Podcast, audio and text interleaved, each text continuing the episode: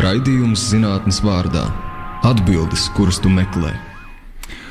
Labvakar, šis ir uh, ceturtdienas raidījums zinātnes vārdā, un uh, šovakar mums viesos ir uh, astronoms Ilgons Vilks. Es esmu Ivars Alsters, un mēs tuvāko stundu runāsim par astronomijas jautājumiem.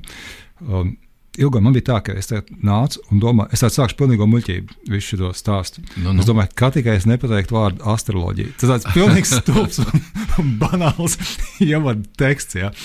Uh, bet uh,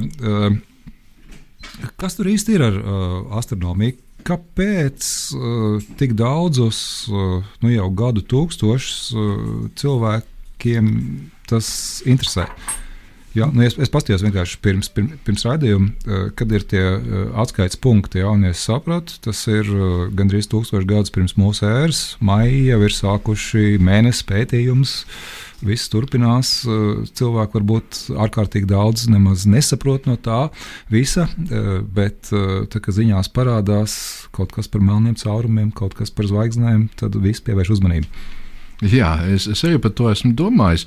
Nu, man šķiet, tā, ka nu, astronomijai ir tāds sanācis, eh, ka viņi mūždien nodarbojas ar to, kas ir uz robežas nu, tajā plašajā visumā. Tās visuma robežas jau tikai pakāpeniski ir tikai mm. augušas. Jā, nu, sākumā cilvēkiem šķita, ka ir mūsu planēta Zeme un ka viss pārējais arī nu, te, te pavisam tuvu tu, uzreiz aiz mākoņiem, tur komētas, mēnesis, zvaigznes, tā joprojām. Tad laika gaitā tas visums auga lielāks mm. cilvēku izpratnē, un arvien vairāk viss kaut kas tika atklāts, un arī mūsdienās faktiski, nu, it kā visu laiku ir kaut kas uz tās robežas, un nu, tagad mēs saprotam, tas kosmos tiešām ir fantastisks fantastiski liels. Un, um, Tur visu laiku atrodas kaut kas tāds negaidīts. Varbūt kaut ko teorētiķi izdomā un pēc tam meklē tam praktiski apstiprinājumu. Arī otrādi, ka tiešām ierauga kaut kādu akal kārtējo uzliesmojumu, tādu kaut kādu blīkšķi, un tad mēģina pēc tam ilgākā laikā saprast, nu, kas tad tur īsti notiek. Es pieļauju, ka tas, ka tur ir drusciņ tās mistikas, un mm. tas ir ne no šīs pasaules. Bet tur nav tā, ka var visu kaut ko sastāstīt un ļoti ilgu laiku neviens nevar pārbaudīt.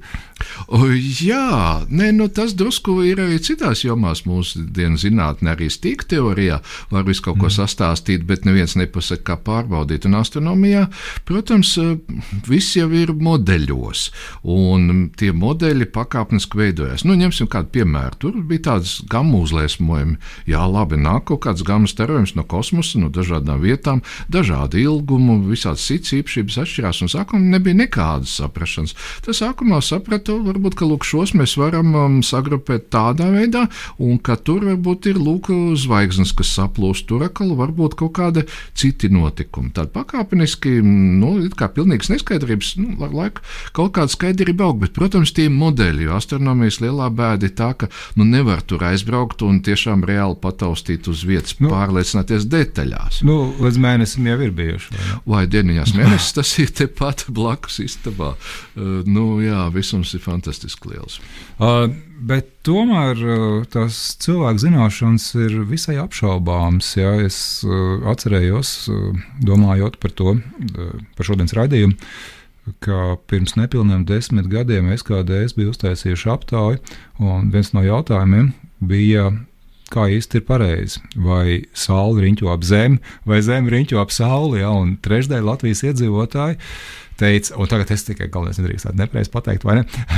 nu, eh, var sakot, teica, ka eh, saule riņķo ap zemi, tas ko mēs redzam. Mēs izējām ārā, mēs redzam, saule parādās virs horizonta, noteiktu gabalu tur noiet, vai ne, un tad vakarā noriet. Ja? Nu, un trešā daļa uh, tomēr tic tam. Nu, viņiem tā šķiet, ka tā ir. Nu, ja. Un es arī esmu saskāries arī pat jau diezgan tādā atlasītā publikā, nu, teiksim, dabas zinības skolotāji, kur uzdevums ir mācīt bērniem uh, par šiem jautājumiem. Kad viņam iedod trīs uh, papīra gabaliņus, kuriem rakstīts Zemes, Saule, Mēnesis, viņam tagad jāuzzīmē, kurš ar kur kustas, arī rodas daļais apjukums. Arī, arī skolotājiem? Arī skolotājiem. Un ar, arī es esmu regulāri testējis savus fizikas studentus, kuriem uh, mācīja astronomiju. Un, nu, teiksim, jautājums, kāpēc? Kāpēc mainās gada laiki. Nu, kādai ceturdaļai vēl ar vienu ir mīkla arī nu, vēl trešajā kursā, tepat Latvijas universitātē. Jūs tev varat radīt pārskatu, pastāstīt. Tā, jo, jo, ātrā kāpēc, versija? Jā, jā, ātrā versija. Divu minūšu lekcija. Jā, pat īsāk, varbūt 60 sekundēs var mēģināt iekļauties. Nu, uh, esat visi redzējuši globusu, un tam globusam asa ir neskapēc šķība. Mm -hmm. Būtu ērtāk uztaisīt globusu vertikālās. Šķība asa ir tāpēc, ka tā, tas ir iemesls, tā tā Zeme kosmosā ir novietota. Un Zeme ir milzīgs objekts, viņa nevar to asi savu grozīt pēc mm -hmm. sirds patiks. Tā kā viņi iet apkārt Saulē, tad dažbrīd viņi pavērš pret uh, Sauli uh, dienvidu puslodi, tā kā mums šobrīd ir situācija, nāk ziema, pēc, uh, un viņiem savukārt vasara, un tad atkal pēc pusgada viņi pavērš pret Sauli ziemeļpuslodi. Mums ir vasara, viņiem ir ziema. Jā. Tas tik vienkārši, vai ne? Tad, ja katram mājās būtu globus, tad šie dīvainie jautājumi nebūtu jāuzdod. Bet man ir varbūt arī nu, kaut kāds skaidrojums, nu, kāpēc tā ir. Tāpēc, ka nu, jā, viena lieta, ka tas ir pretrunā to mūsu ikdienas pieredzi, mēs redzam, mēs redzam plakanu zemi, mēs redzam sauli, uzlecam no rietas, mēs redzam naktī zvaigznes kustamies, nevis ka zeme grieztos.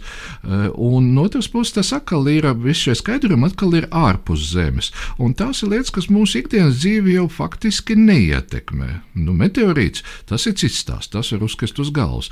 Bet eh, kā tu, kas ap ko riņķot, tas eh, ir vairāk tāds kā vienkārši iekšējās pasaules uzbūvēšanas jautājums. Kā cilvēks sev uz to jautājumu ir atbildējis. Trešdaļa Latvijā ir atbildējuši lūk tā, ka, ka, ka saule riņķo ap zemi. Nu jā, laik, laikam astronomija ar to atšķiras. Nu, Teorētiskā fizika droši vien ir līdzīga. Jā, vai ne, ka, uh, to izvēlas cilvēki, kuriem nevajag uh, noteikti pataustīt. Ja, jo lielākā daļa dabas zinātnes ir tādas, kur tu vari uh, to, ko tu pēti, burtiskā nozīmē pataustīt. Ja. Vai tas ir vajadzīgs, tā cita lieta, bet nu, tu, tu redzi, Jā. uh, vari pasmaržot, uh, vari pataustīt. Un, un tomēr vēl ir viena atšķirība starp lūk, tādu daļiņu fiziku un astronomiju, ka daļiņu fizikā nu, tiešām nevar redzēt. Nu, tur specializētajos mikroskopos drusku redzēt to dažu metāla atomu ārējās tās nu, aprises.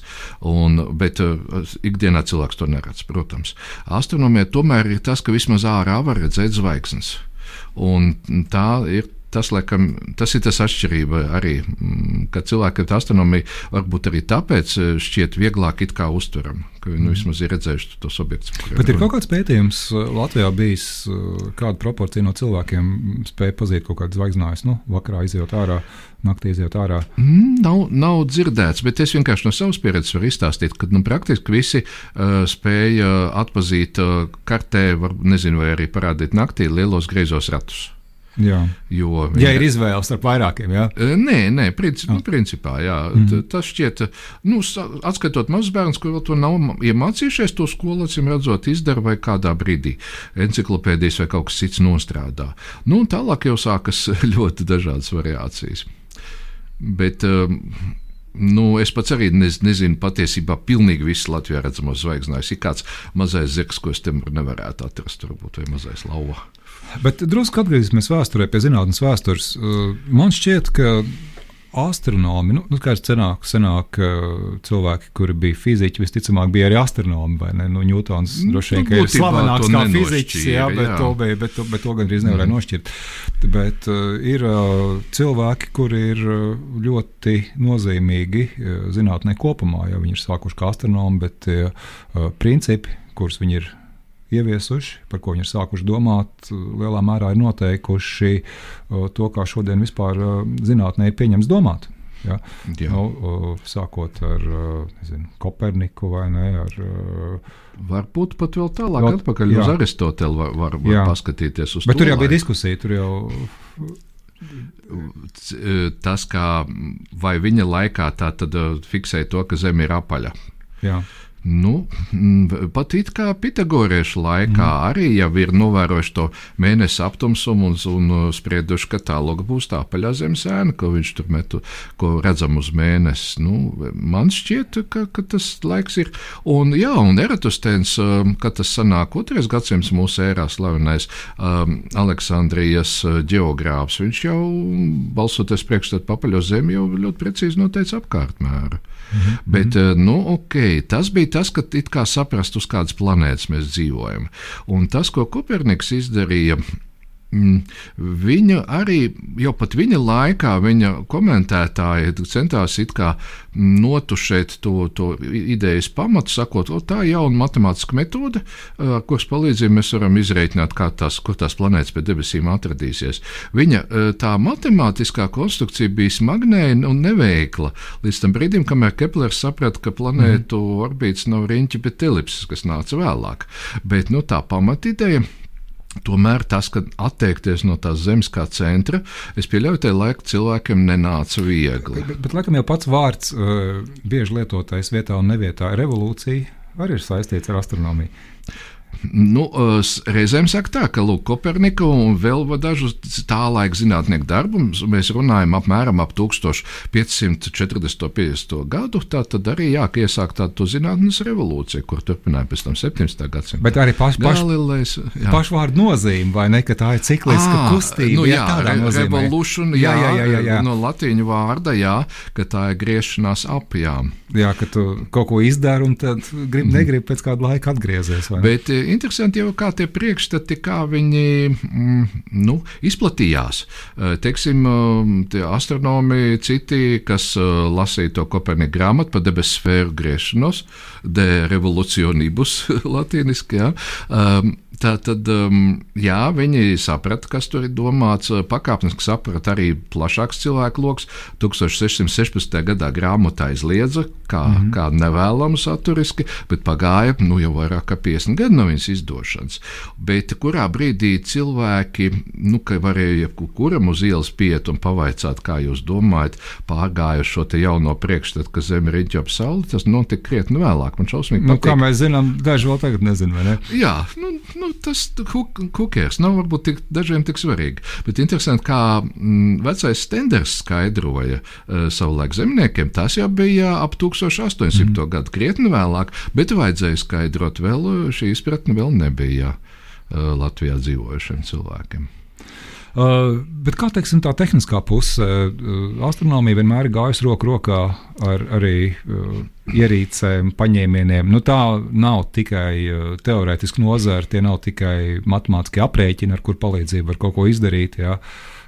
Te ir arī novērojumi. Uh, observatorijas teleskopi. Kā šis virziens ir ietekmējis mūs, un kas ir varbūt tas, ko mēs pat nezinām, vai ne, kas, kas, kas nāk no astronomijas? Nu, jā, teica, ka fantastiski. Tas varbūt ir piešķīris visam to trešo dimensiju, jo vēl Kopernika laikā uzskatīja, ka visas tās zvaigznes ir tā, vienādā attālumā mm. pie vienas debesu sfēras. Tad jau ar teleskopu palīdzību tas sāka saprast pirmkārt saules sistēmas uzbūvi. Tā kā jau jebkurš uh, tāds rīks, kas paplašina cilvēka maņas, šajā gadījumā ļāva ieskatīties tālāk un detalizētāk kosmosā, pēc tam jau sāk saprast, kā arī zvaigznes ir dažādos attālumos, un tad 19. gadsimta nu, 30. gados jau reāli izdevās teleskopu palīdzību arī izmērīt, kāds ir šis attālums līdz zvaigznēm, kurš izrādījās ļoti liels liels, un tā tālāk. Un tas viss turpinās arī vēl ar vienu, un tas uh, teleskops ir atslēgas vārds. Mūsdienās, protams, jāsaka klāt arī dators, viss šī novērojama apstrāde, glabāšana, interpretācija, tā, bez tā cilvēkiem būtu astoņas. Cik es saprotu, mūsdienās jau teleskops nenozīmē optiski ierīci. Vienmēr. Nu, jā, ne tikai. Mm. Ne tikai nu, redz, ka, piemēram, nu, pat, uh, Ventspīles ir radio, pie radioteleskopa atklāja vēl vienu jaunu, modernu mm. antenu lauku, kas citādā veidā pētīs no visam nākošos radioviļņus. Būtībā šeit uz Zemes mēs varam uztvert labi radioviļņus, gaismu, drusku infrasarkano starojumu. Bet, ja gribam kaut ko vairāk, un to arī reāli dara, ir gan daudz ko pavadoņu kosmosā, kas veic astronomiskos pētījumus, tad var uztvert arī ultravioleto starojumu, rentgenu rentgena, gamma. Mm. Kosmos nāk pilns spektrs. Bet uh, mēs ikdienā kaut ko no tā jūtam. Nu, tādā nozīmē, ka tur attīstās tehnoloģijas. Un vai tas pārnāk arī kaut kādā veidā uz mūsu ikdienas dzīvi? Viss tas, kas, kas tiek radīts astronomijas vajadzībām.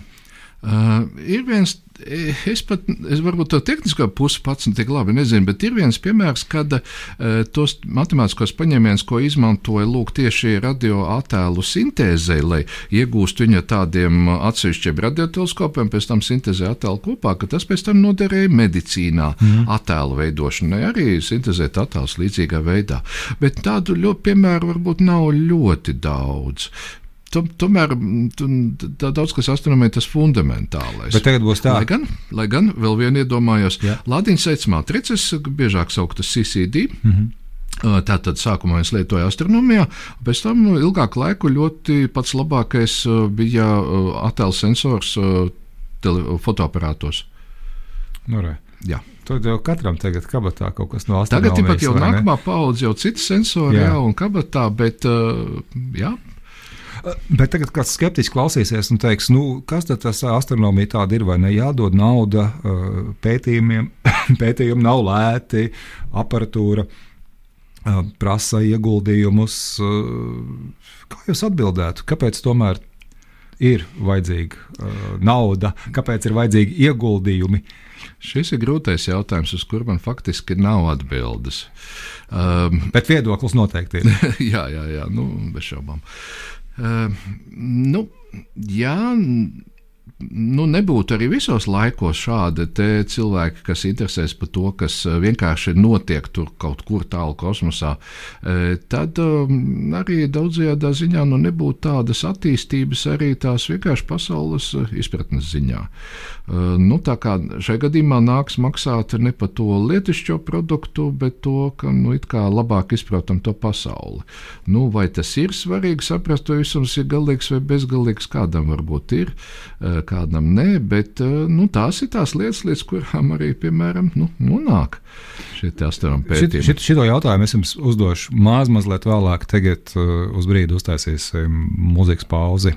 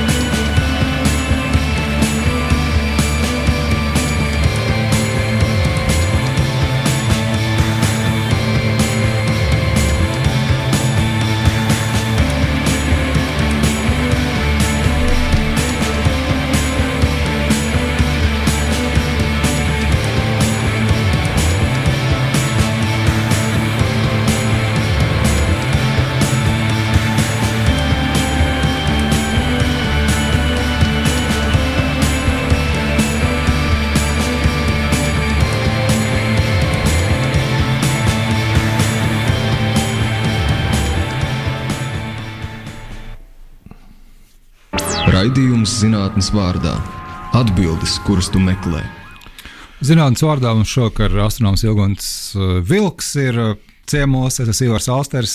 Uh, mēs turpinām sarunu par astronomiju, protams, par ko gan citu, vai ne? Lai gan iznāk jau brīžiem novirzīties. Un, uh, mēs runājam par tādu vēsturisko uh, skatījumu, kā tā astronomija ir radusies, uh, kā astronomija ir iespaidojusi mūsu ikdienas domāšanu, droši vien arī kaut kādā ziņā, un arī nav iespaidojusi, un par to neiespaidošanu. Gribot, negribot, jārunā par izglītību. Jā. Ja es pareizi saprotu, mhm. šobrīd astronomiju reti kurā skolā Latvijā mācīja.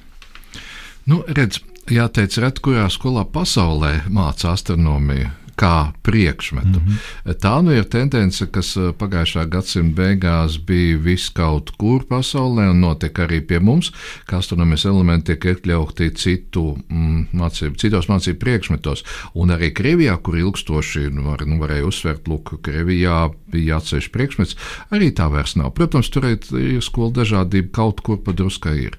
Uh, nav atkal tik traki no otras puses, nu vismaz piecas skolas, vēl vismaz, es ne, man nav datu par šo mācību gadu, bet vēl nesen bija, kur mācās astronomiju eh, kā atsevišķu priekšmetu, jo tur ir eh, skolotā, zinoši skolotāji entuziasti.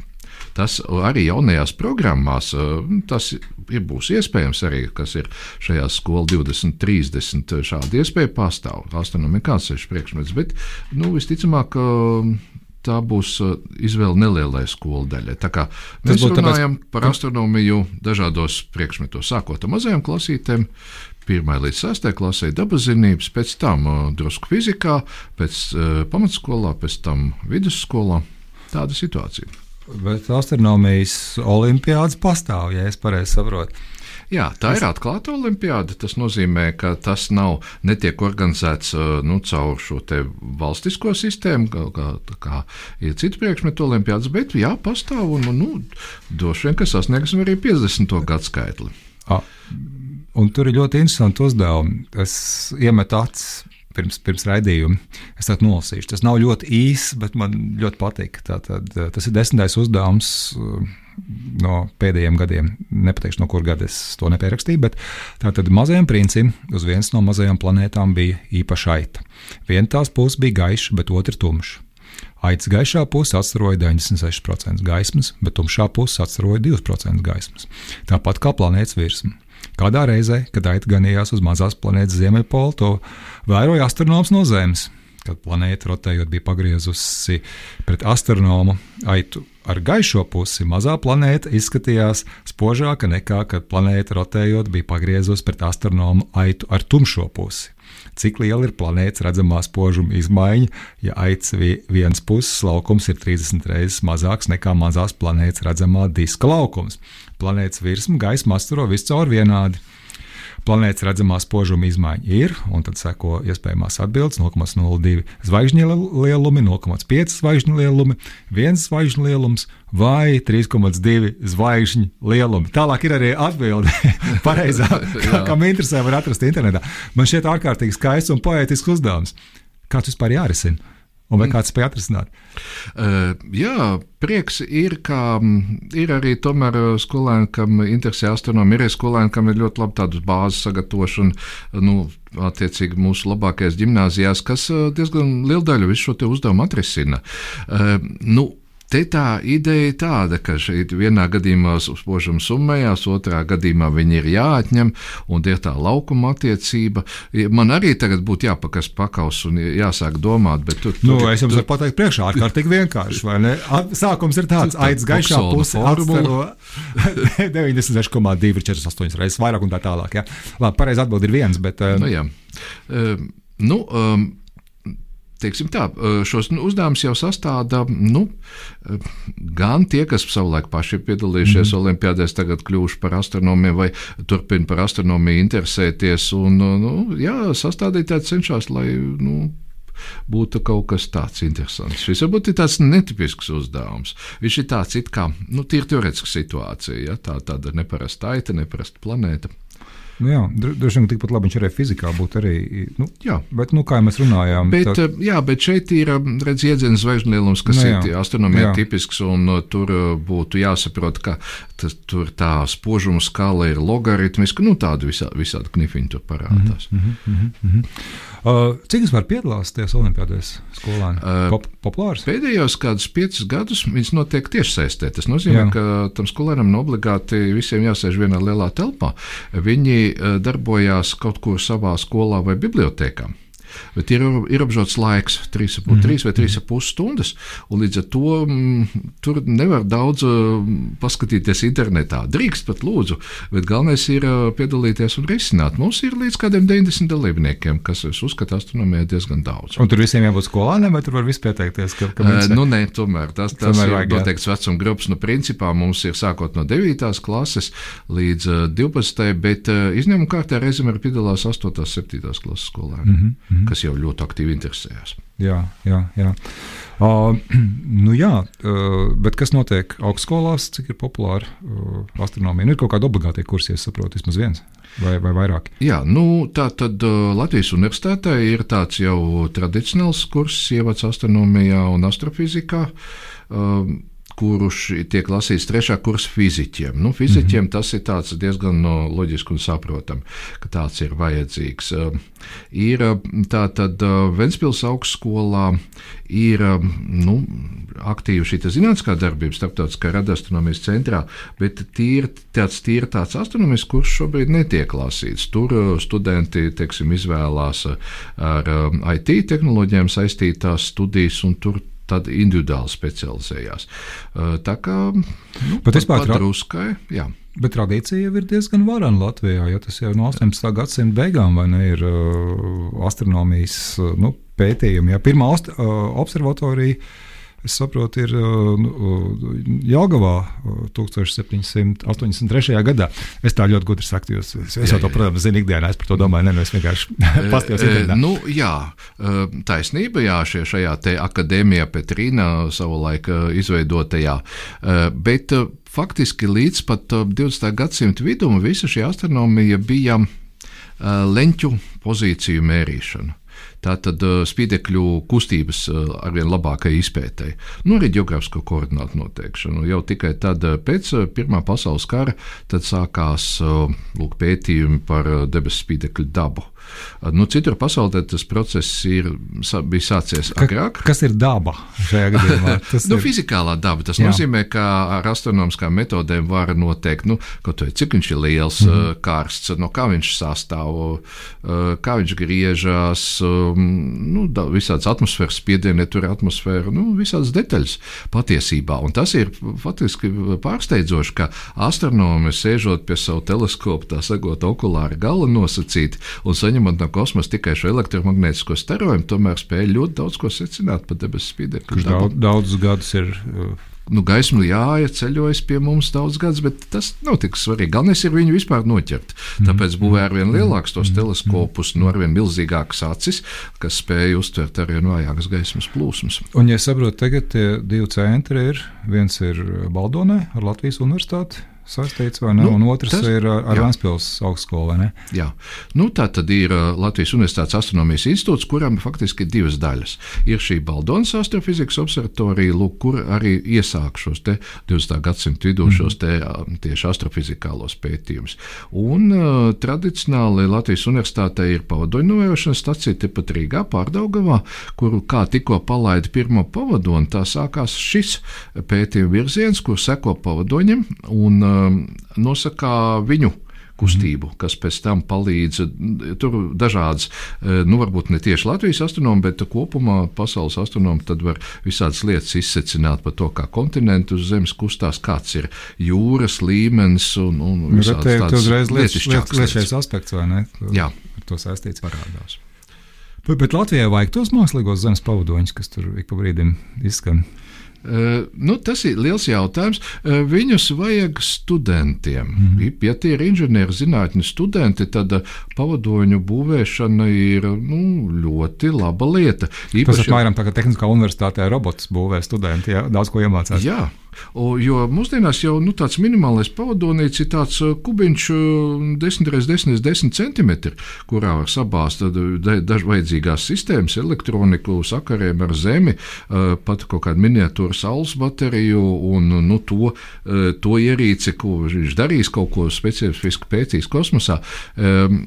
Diemžēl redz, Latvijas pavadona venta nepaveicās, ka viņš ilgi nostāvēja plauktā mm. līdz palaišanai, un Igauni mūs aizgāja garām. Viņi tādu vienu mazo ir palaiduši, un tagad taisa jau otru, un tāpēc daļa Latvijas studentu tajā starplaikā pārcēlās uz turienu, starp universitāti. Bet tagad no tā arī ir kaut kādi zinātnes huligāni, kuri atrod internetā visu vajadzīgo informāciju, uztājas savu mākslīgo zemes pavadonu un palaiž. Nu, tā kā cirkulēja kādreiz tāds video, ka viens vecs Amerikā vai bija uztaisījis vai gribēja tādu uh, maza mēroga atomelektrostaciju sev mājās. Ja? Uh, vienkārši saprotu. Nu, tas varbūt savā, tas nav, viņam arī nebūtu gājis viegli radioaktīvos materiālus. Viņam būtu nu jā, vajadzējis, ja kurā gadījumā to kontroli ir ļoti, ļoti rūpīgi. Uh, pavadonu uzbūvēt jau ir viena lieta, vēl ir kaut vai tāda elementāra lieta, kā jāiegūst tiesības izmantot kaut kādas radiofrekvences. Maz jēgas būs no bet pavadona. Bet es runāju par huligāniem, jā. jā, nu, ok, uh, bet vēl pavadons jāpalaiž. Mm -hmm. Un tad jau pavadons ir visādos veidos certificēts un testēts un kaut ko pilnīgi nezinām, nesaprotam saprotam, neviens neuzņemsies pal atbildību palaist. Ja viņam nav pašam arī savs raķets, tad nezinu. Mm -hmm, tad, tad, tad uh, nekas uh, nesanāks. Uh, bet tad ir interesants jautājums, kurus saprotu arī Latvijas zinātnieki sniedz tādu nopietnu pienesumu, ka ik pa brīdim kaut kas no jauna tiek atklāts. Ja? Nu, teiksim, kāda vispār ir? Es to jautājumu drusku savādāk uzdošu. Kāda ir varbūtība, nu, ka vienā novērojuma dienā tu kaut ko jaunu atrodi. Nu, citiem vārdiem sakot, cik bieži kaut kas tāds notiek? Nu, tas vienmēr, protams, var gadīties, bet uh, varbūtība varbūt nav ļoti liela. Viens kolēģis, kuram nesen apritēja 70 gadu jubileja, viņš tā rakstīja, nu, ko es esmu dzīvē sasniedzis, varbūt to un to, bet var gadīties, ka mans lielākais atklājums vēl ir priekšā. Uh, tas var gadīties tādā ziņā, ka veicot kaut kādus regulāros novērojumus, mm -hmm. nu, pārbaudot kaut kādu ideju, kā tur tas kosmiskais radios tavos starojums, ģenerē to starojumu, kas tur vispār notiek viņā iekšā, tad pēkšņi parādās kaut kas negaidīts. Tas nav tā, ka tā kā, šodien iešu sēņot, bet rīt iešu meklēt jaunas zvaigznes. nu, jā, tur tomēr ir kaut kāda nu, tā, tas iestrādes ir vajadzīgs. Un, nu, Latvijas astronomi dara labas lietas tādās, nu, tādos mm, tādos vidējās eh, zinātnīs mm. līmeņa segmentos, kur eh, pēta, nu, tā kā teiksim, ir kaut kas atklāts, kaut kāda objektu grupa, nu, piemēram, vai tās būtu oglekļa zvaigznes, vai tā saucamie kosmiskie māzeri, un tad pēta viņas ar vien sīkāk, ar vien labāku izpratni iegūstot, vai pēta uh, zvaigžņu evolūcijas noteikts posms, kā tur tie ķīmiskie elementi sintēzējās. Mm. Tas ir vēl viens virziens, ko Latvijas Universitātē fizikas matemātikas fakultātē viens pētnieks dara. Uh, Tā kā, bet, nu, tur vienmēr var gadīties, ka nu, uz, uz, uzdurās kaut kam ļoti neparastam, bet nu, varbūt tomēr te mūsdienās lielie, milzīgie sasniegumi notiek tur, kur ir paši lielākie teleskopi, no nu paši lielākie pasaulē, un kur arī pati labākā aparatūra, kuru bieži arī paši zinātnieki ir būvējuši. Mm -hmm. Tas, à, tur, tur, tas iet roku rokā, vai ne? Tur ir tāda nu, nopietnā līmenī. Do it, do it yourself, kā, kā, kādām vai valdībām vai, vai nu, veselai valstu grupai ir jāuzbūvē liels teleskops, un tad uh, paši zinātnieki kopā ar tehniķiem izdomā atkal super labus uztvērējus, un tad tas notiek. Uh, jā, un uh, uh, tad. Uh, Latvijā, acīm redzot, uh, nu, nav, nav, tik, nav tik traki, vai ne? Vai, vai, vai, vai tomēr, kā vienmēr, var būt labāk? Nē, nē, nē nu nav tik traki. Um, te, tepat laikā arī ir viena tāda ļoti laba, jū, noderīga joma. E, tā tad vispār atklāt asteroīdus. Mm nu, mhm. viņu ir šausmīgi daudz. Patiesībā jau mūsdienās zināms ap pusmiljonu. Jā. Bet uh, vienmēr mm, var gadīties kāds, kas nu, ir tādā kursā, kas tuvojas Zemē un varbūt kaut kā tālākā nākotnē varētu mums trāpīt. Tā kā nav slikti, ka viņas atklāja atklāja ar vien vairāk, un nu, tā kā kļūst skaidrāk, šis, šis tajā plauktiņā, tas mums netraucē, tas tajā plauktiņā, un Latvijas astronomā arī to dara. Bet tas būtu tā tāds nu, dro, no drošības viedokļa, jā? Tas, tas, vai, vai jā. ir jābaidās? Jā, jā tā, tā, tas, tas ir viens no aspektiem, un otrs ir drusku arī tāds kā m, publikas viedokļa veidošana, jo atklājējiem ir iespējas nosaukt astronomus savā izvēlētā vārdā, un pēdējā laikā ir parādījušies tādi asteroīdi kā uh, Baldone, mm -hmm. uh, savulaik Krišjāns, pa godu Krišjānam Baronam nosaukts asteroīds un tā joprojām. Tādā veidā Latvijas vārds izskan pasaulē. Uh, vismaz mums pašiem tas ir svarīgi. Bet kā, kā, kā to vārdu dod? Tas bija viens no jautājumiem, ko es gribēju prasīt. Jūs pats tagad nonācāt vai ne līdz tam? Kā, kā jaunu atklājumus uh, nosauc vārdā? Nu, teiksim, ja konkrēti par asteroīdiem, tad um, atklājas drīkst izvēlēties nosaukumu. Tur ir noteikumi, zinām, ka nevar kaut kādus politiķu vārdus mm -hmm. un tā un citādi, vai mīļdzīvnieks. Nu, tas diezgan saprotami. Bet tam vārdam jāstāv ne vairāk kā no 16 burtiem, oh. un tur drīkst lietot arī diakritiskās zīmes, piemēram, tāpēc ir krišbarons. Oh. Krišjāns barons, un, divi vārdi nevarēja būt pagārūt, salikšu. Ah, un, un raksta reša zīme jā, arī kā, jā. kā, kā, jumtiņš aizburtam. Nu, jā, nu tā komētas nosauc atklājēju vārdos. Kad viņš atklājas, tad viņa vārdā tā automātiski nosauks. Interesanti, pēdējā laikā daudz komētu, kuras nosauks dažādu teleskopu vai nu, aparatūras komplektu vārdā. Jo jā. kārtējā aizsona komēta, ko ir atklājis, ir šis teleskopu tīkls kas mm. notiek automātiski lielā mērā. Cilvēks tikai pēc tam pārbauda. Jā, un tad vienkārši nav, ne, nav nebūtu ētiski tagad pielikt jā. vai ne mhm. kon konkrētu vārdu, jā, konkrētu personu. Labi, paklausīsimies uh, vēl vienu uh, dziesmu, un tad parunāsim par to, uh, kas pasaulē pēdējā laikā svarīgs ir noticis. Es noteikti paprasīšu, kas ir melnais caurums.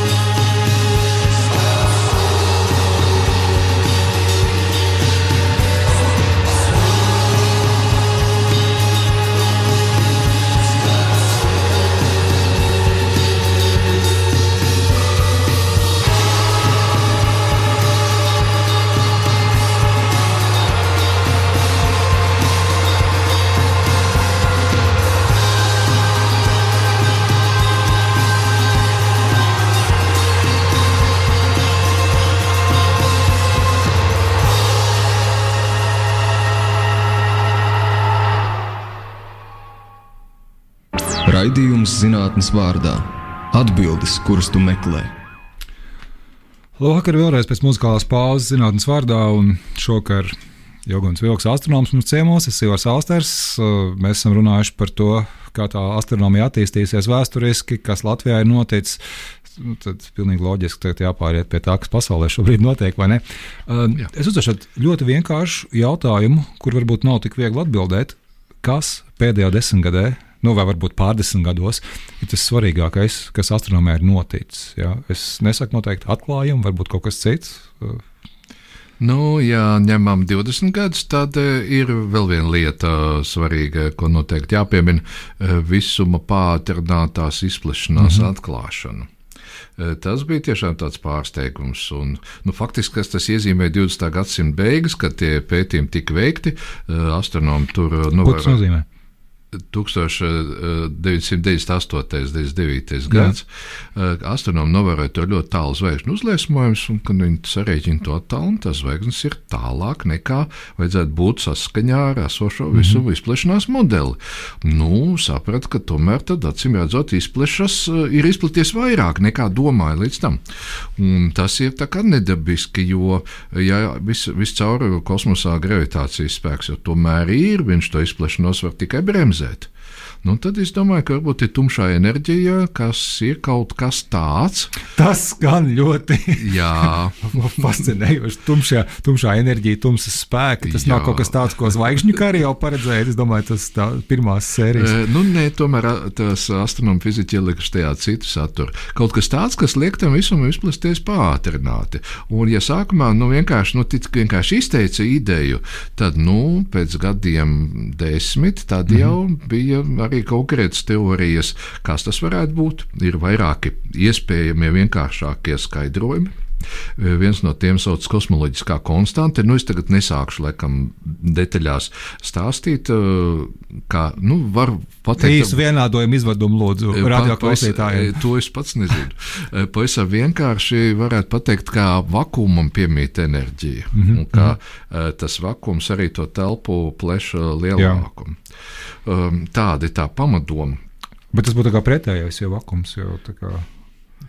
Uh, nu, tas, ne, tas, tas būtu citādi, jā, ka tas ir uz zemes, ka, ja kaut kur mums ir vakums, tad ārējais spiediens tiek saspiest. Mm -hmm. Šeit ir ne, vakumam pašam iekšēji piemītoša enerģija, varētu būt tā, kas visu un tiecas izplest. Tā kā tas bija tiešām būtiski, un tad uzreiz aktualizējās arī jautājums par vēl kaut ko tumšu, tumšo matēriju. Tas bija tas, ko es teicu, jā, ka noteikti ir jāpaprasa, ka es esmu paprasījuši, jā, kas tā tumšā matērija ir. Jā, kas arī ir, mm, nu, Ir, eh, turpat ir vēl vairāk varbūt, eh, ideju, iespējamo skaidrojumu, bet um, pagaidām viennozīmīgas atbildes nav.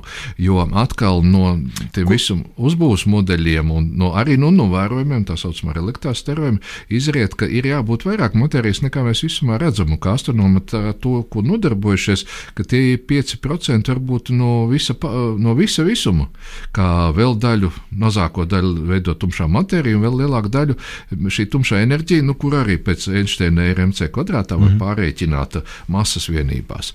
Uh, nu, tā tumšā matērija varbūt ir daļiņas kādas vēl neatklātas daļiņas, un te tā kā, kā astronomi piespēlēja bumbu fiziķiem, kuri ir mēģinājuši daudzās laboratorijās uz Zemes, lielajā hadrona pātrinātājā, viskaut kur, um, vai nu radīt vai detektēt šādas daļiņas, pagaidām nesekmīgi.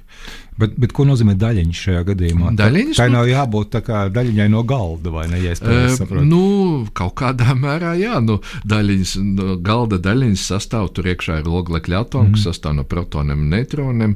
Atomu kodolā šai gadījumā tās būtu cita tipa daļiņas, kurām pārsteidzošā kārtā nav tādas, nu, teiksim, nemiedarbojas ar mm. gaismu galds atstaro gaismu. Nu, redzam, nu, tas ir ļoti triviāli, ja es tagad šobrīd saku. Uh, bet kurām ir masa un kuras pievelk savstarpēji, pievelk ar vispārējo. Uh, Un ir izteikts arī tīri alternatīvas idejas. Un, ja nu tomēr, ja mēs tomēr atļauties tādu ķecerību, ka mazliet pamainīt vienu no Ņūtona likumiem, kas šķiet ir akmenī kalts un visu zinātnes vēsture gājusi arī uz tā bāzes attīstījusies. Un tagad daži ķeceri saka, ka mums tā patikt, ja mēs pamainām to Ņūtona likumu, tad mums jau kaut viss sanāk. Kur- nevajag, kur- kur nevajag vajag šo mainīt? matēriju. Kur vajag mainīt? E, Nu, to e, otro FRMA, Ah, tad mhm, mm, spēks ir mazreiz Pātrinājums, jā. pātrinājums, ka tur kā mainās tas pātrinājums tiem objektiem, kas atrodas ļoti vājos gravitācijas laukos. Tāda tā pamandoma. Nu, tā kā šis ir tādā ziņā 21. gadsimts vispār astronomijam Mhm. tāds ļoti interesants laiks, ka ir tāda liela vērtība pārvērtēšana notiek, kas pat teikt paradigmas maiņa uz, uz to tumšo visumu, es es to tā. Un par ko visniknāk strīdās pēdējā laikā? Tu pat grūti pateikt. Tumšai enerģija it kā šobrīd nav tādas jaunas teorijas. Par tumšo matēriju mēģina vēl ar vien kaut ko vēl jaunus iespējamos avotus izdomāt. Nu, pat, pat jaunākā ideja, ka varbūt tomēr tādi mikroskopiskie melnie caurumi ir palikuši no visuma sākuma laikiem, eh, kuri eh, tad rada daļu masas. Mēs viņus neredzam, nedetektējam, bet viņi krietni daļu masas veido. Bet kā vispār astronomi domā par, eh, nu, par mērogu? Ja? Jo nu, tagad jau ar jums runājot, man jau tā kā galva drusku sāk reipt tādā nozīmē, ka nu, cik tas viss ir apjomīgs, bezgalīgs vai ne. Bet tu savā ikdienas darbā sastopies nu, gandrīz vai taustāmā formā ar eh, bezgalīgu telpu. Ja? Ikdienas darbā varbūt ne, bet tad, kad es mēģinu citiem šīs lietas eh, stāstīt un skaidrot, jā, tas, tas ir tas īstenībā grūtais, un ka pirmkārt pašam it kā ir jāpierod pie šiem priekšstatiem. Tas visums ir eh, tiešām ļoti liels, un to ir ļoti grūti mm, iztēloties, un tad tur ir jābūvē tā izpratne soli pa solim. Un varbūt viņš nav bezgalīgs tomēr, bet eh, nu, tiešām fantastiski liels, ja viņš ir tur pirms nepilniem 14 miljardiem gadu radies. Tas tā mm. šobrīd šķiet diezgan droši, ka to mēs saprotam.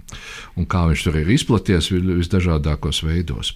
Uh, nu, lūk, tā kā mm, šis uh, mm, la, nu, laiks ir rādījis. Eh, Tā ir šad un tad bijis zinātnē vispār un astronomijā, tā skaitā, ka ir kaut kāda jauna koncepcija, un sākumā tāds apmulsums, tad pakāpeniski fakti krājās, kur pēc tam sas, sašujās kopā un jau rodas kaut kāda dziļāka izpratne. Bet jūs vairākas reizes esat lietojis vārdu, ka visums izplešas. Jā. Bet kas ir aiz robežas? Jā, kas ir tur, kur un- vēl visums nav? Un kur viņš izplešas? Jā.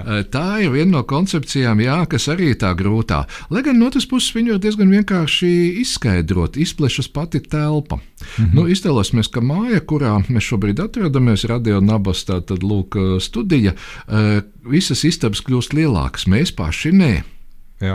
Tagad, pa šo stundu, kamēr ir raidījums, tagad tas ir māja kļūst lielāka, man būs līdz izījai Vē- Vēstures jāiet filozofijas tālāk. fakultāte vairāk nav tur uz augšu, ja kaut kur dažs Nu, ne, viņi ir, bet viņi ir tālāk. Viss ir vienkārši lielāks. Visa attāluma kļūst lielāka. Tā ir tā pamatideja, kā Nu, jā, bet, bet, bet atkal no otras puses ir robeža. vai ne? Jā. Un aiz robežas, nu, ja mēs gribam uh, Ka kaut tā kādu atskaites sistēmu, atdursies citā mājā. nu, jā, nu, tad kas ir tas cits? vai ne? un, un tā, tā, tas ir, to es, to es n- nemāku eh, izskaidrot vienkāršiem vārdiem, ka tādas robežas nav, visumam nav, tad viņš var tā turpināt. Turpat ir vēl trakākas idejas, ka šis process var notikt nevis vienkārši tā, kā šobrīd, nu, drusku ar vienu drusku ātrāk, vēl ir vēl trakākas idejas par tādu um, eternal inflation, mūžīgo izplešanos, kas notiek ar virsgaismas ātrumiem, un ka tas var notikt un turpināties ilgstoši.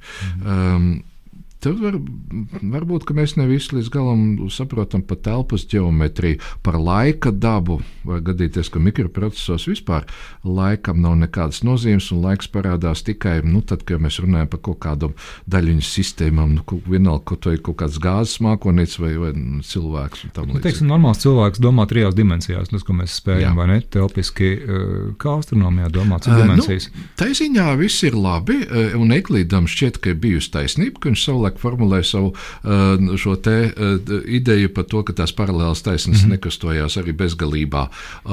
Šķiet, ka mūsu visums ir tādā ziņā plakans mm -hmm. un trīs dimensija, tā kā viņš ir, nu, tā kā mūsu arī skolas geometrija to apraksta. Tas, ka ir vietām lokāli ir liekts un tā telpa, jeb laika telpa ir liekta ap masīviem objektiem, saule, zeme un citiem, mm. tas, tas ir tā lokāli. Kopumā viņš ir diezgan plakans. Un līdz ar to tādu ceturto dimensiju vai kaut ko tādu, kā mēdz piesaukt, faktiski nevajag. Nu, ja vien mēs nerunājam kā kā ceturto lielumu, kā laikus, trīs telpas mm -hmm. dimensijas laiks, kas tad ir tā vienotā šeit laika telpas ideja. Un, protams, jā, tur ir teorijas, kas um, apraksta mm, visumu uh, detalizētāk, tajā mikro līmenī, ka tur varbūt ir visādas saritinājušās, sarulējušās dimensijas, un ka varbūt vajag kāds 11 dimensijas, lai perfekti izveidot visu modeli. Bet tās, tā ir teorija, kur pagaidām nu, nevar ne pierādīt, neapgāst. Jā. Kur Hawkins savulaik ļoti nu, um, atbalstīja.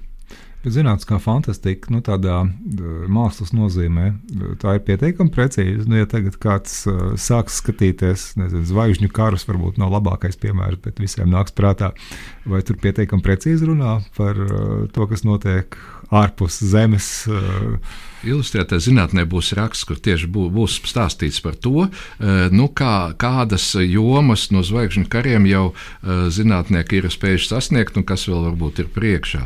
À, tad viņi tā kā ir tā kā tādi vizionāri, ja zinātnieki skatās zvaigžņu karus un domā, par ko vajadzētu pētījums taisīt.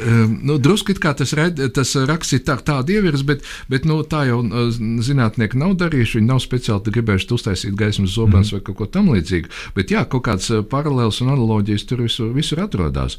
Um, bet, um, mm, nu, es nezinu, fant fantastika jau parasti jau, kas, kas ir fantastikā, tomēr vienmēr tas ir cilvēks vai nu, kaut kāda cita saprātīga būtne, kas miedarbojas citām saprātīgām būtnēm, bet tādā nu, pavisam, pavisam citā vidē, citos apstākļos. Un tās pasaules, ko rakstnieki uzbūvē, reizēm ļoti lieliskas, neparastas un ar neparastām īpašībām, likumiem un visu kaut ko citu. Um, vai, vai, vai tā, kā saka, zinātnē, tiešā veidā jāseko līdzi, es nezinu. Mm -hmm. Bet kā ir tagad ar um, kosmonautiem, ar uh, astronautiem? Es, uh, pirms rādījuma mēs runājām, jūs teicāt, ka tagad uh, parādās ļoti interesanti literāri darbi, ja es pareizi sapratu, ja, kur uh, mēģina aprakstīt uh, to pieredzi, kāda ir, uh, tagad, kad tu lido kosmosa kuģī. Jā. Uh, nu, man pašam tas. Uh, mm, īpaši šķiet interesanti, jo nu, puikas gados tas bija diezgan tipiski arī laikam, manos laikos, puikas gados gribēju kļūt par, par kosmonautu. Uh, Un tāpēc izlasīt tādās detaļās, lūk, piemēram, tas ir viens eh, britu astronauts, kurš ir uzrakstījis grāmatu, viņš ir pusgadu bijis kosmosā. Mm -hmm. Tā burtiski tā detaļa pa, pa detaļām, pa detaļām, visu, kā viņam visā tajā lidojumā gājis cauri, tur tiešām ir vieglāk iejusties viņā, da iztēloties tāds Tims Pīks, un šī grāmata ir nu pat izdot latviski.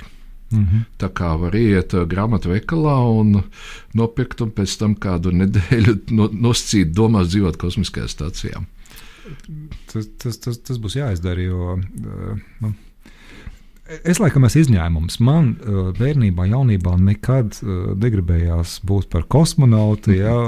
Man arī ļoti neinteresēja tas, ko mēs sarunā tagad saucām par mākslas darbiem, kas uh, fantastisks tēmas risina. Mm -hmm. Bet uh, es kaut kādā brīdī sapratu, ka tur ir ļoti aizraujoši stāsti. Ja? Pat ja tu vienlaikus saproti, ka tā nav patiesība. Ja? Es neesmu visu zvaigžņu kārs noskatījies, ja? bet, bet, bet dīvainā kārtā, dīvainā man pašam, tā kā es dažas sērijas noskatījos, man arī patika jā, nu, kāda daļa no sērijām man arī tiešām ļoti patīk. Nu, pirmkārt, jau to laiku tas, tas bija tas fantastiskais vēriens, ko viņi tā atļāvās. Bet tur ir daudz arī visādas idejas, ir ieliktas, kā nu, tur viss tā starprasu komunikācija, miedarbība notiek. Tā, tas, tas, ir, tas ir tas, kas ir, ko arī ko es meklēju fantastikā. Mm -hmm. Ir, tāds Denis Simons, uh, viņa darbs Hipereons, kur ir um, ļoti dažādas tās rases visumā, un mākslīgais intelekts ar pilnīgi mm. citiem mērķiem, kā cilvēkiem. Um, jā, nu vienmēr jau fantastiski kā projicē, uh, domā par to nākotni, kāds varētu būt, bet uh, tā ir vērtība pati par sevi. Es esmu fantastisks fans arī šobrīd. Uh, man šķiet, ka, ja tu esi saistīts ar astronomiju, tad uh, nevar būt bez, bez fantastikas, jo tur ir vajadzīga tai, šai dimensijai iztēlē, uh, ir jābūt dzīvai. Degviela iedvesmai. Degviela iedvesmai.